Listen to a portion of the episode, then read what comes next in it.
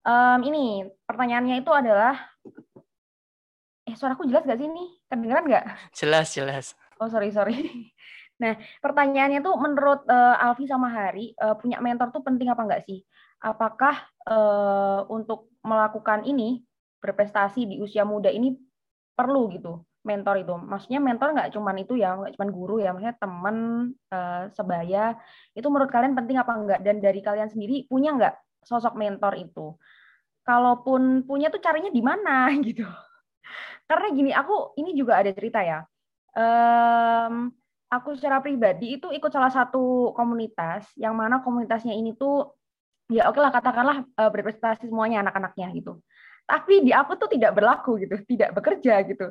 Uh, aku pikir tuh harapanku adalah ketika nanti aku ikut di komunitas itu aku bisa lebih ini gitu. Ternyata ternyata nggak bisa gitu. Apa ya yang membuat itu? Mungkin aku hari ini tuh tersadar apakah definisi prestasi yang aku gunakan dengan definisi prestasi visinya tuh beda gitu antara aku dengan komunitas itu.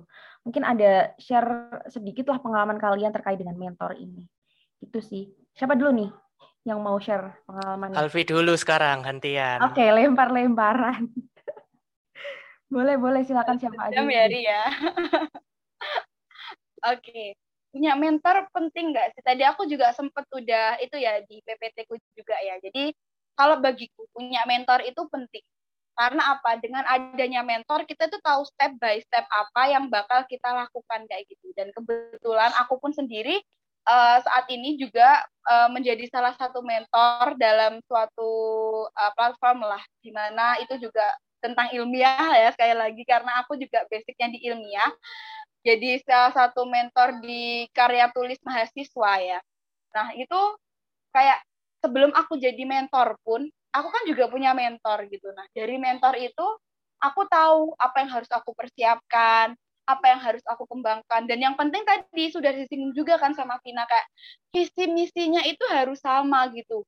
Pengertian prestasinya di sini di mana dulu? Kalau sekarang eh, misalkan Helvi jadi mentor uh, karya tulis ilmiah mahasiswa gitu. Berarti Halvi tanggung jawabnya adalah memberikan pemahaman, memberikan penjelasan mengenai karya tulis mahasiswa itu seperti apa, prospeknya gimana, yang harus dilalui apa gitu kan. Nah, beda lagi nih misalkan mentor yang lainnya, mentor beasiswa, misalkan mau daftar LPDP. Nah, caranya kan pasti beda, tapi yang akan kita dapat itu adalah informasi lebih du eh, informasi lebih dahulu dibandingkan dengan pesaing-pesaing kita yang lain gitu.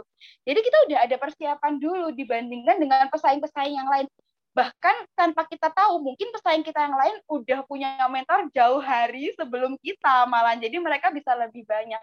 Jadi kalau menurutku punya mentor itu penting, tapi sekali lagi harus diperhatikan itu sama nggak visi misinya sama nggak apa yang mau dicari uh, dari kita kayak gitu. Tapi kalau ditanya punya mentor wajib punya mentor itu wajib atau enggak?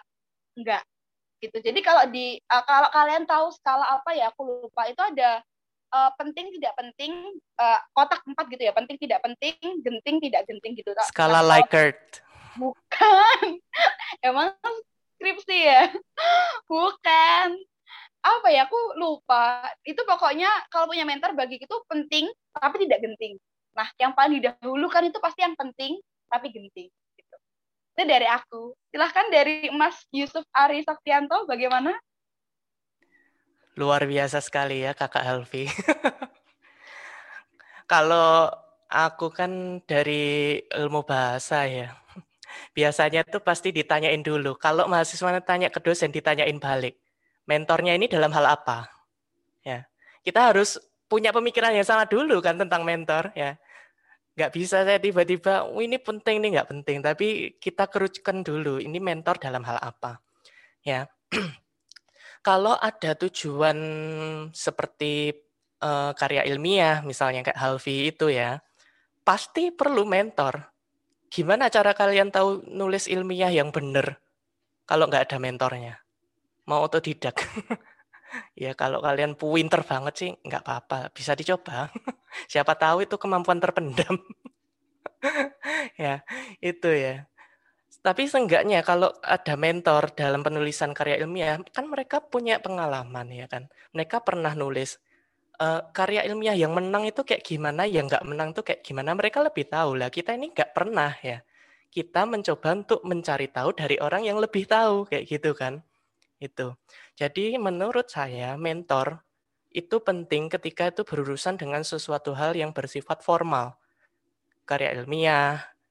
Saya dulu misalnya ikut lomba debat itu ada mentornya, debat. Saya skripsi pun mentor saya siapa? Dosen pembimbing saya Ya enggak. Masa saya mau skripsian sendiri? Kan enggak. Gitu loh.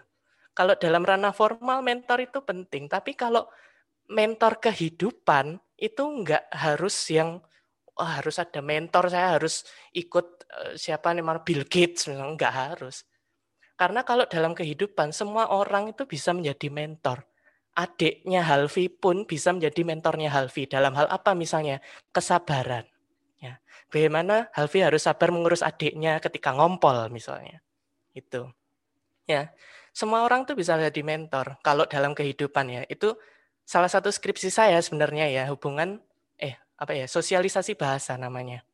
Bagaimana setiap orang itu bisa menjadi expert ya. Sekalipun itu anak kecil, sekalipun itu teman kita sendiri itu bisa menjadi expert karena mereka lebih tahu.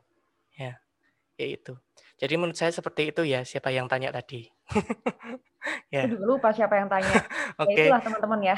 Uh, uh, kalau Secara dalam ranah ya. formal, mentor itu penting, tapi dalam ranah kehidupan ya kita pandang secara luas, semuanya itu bisa memberikan kita pelajaran hidup. Betul, betul, betul. Oke, terima kasih Halvi dan juga Arya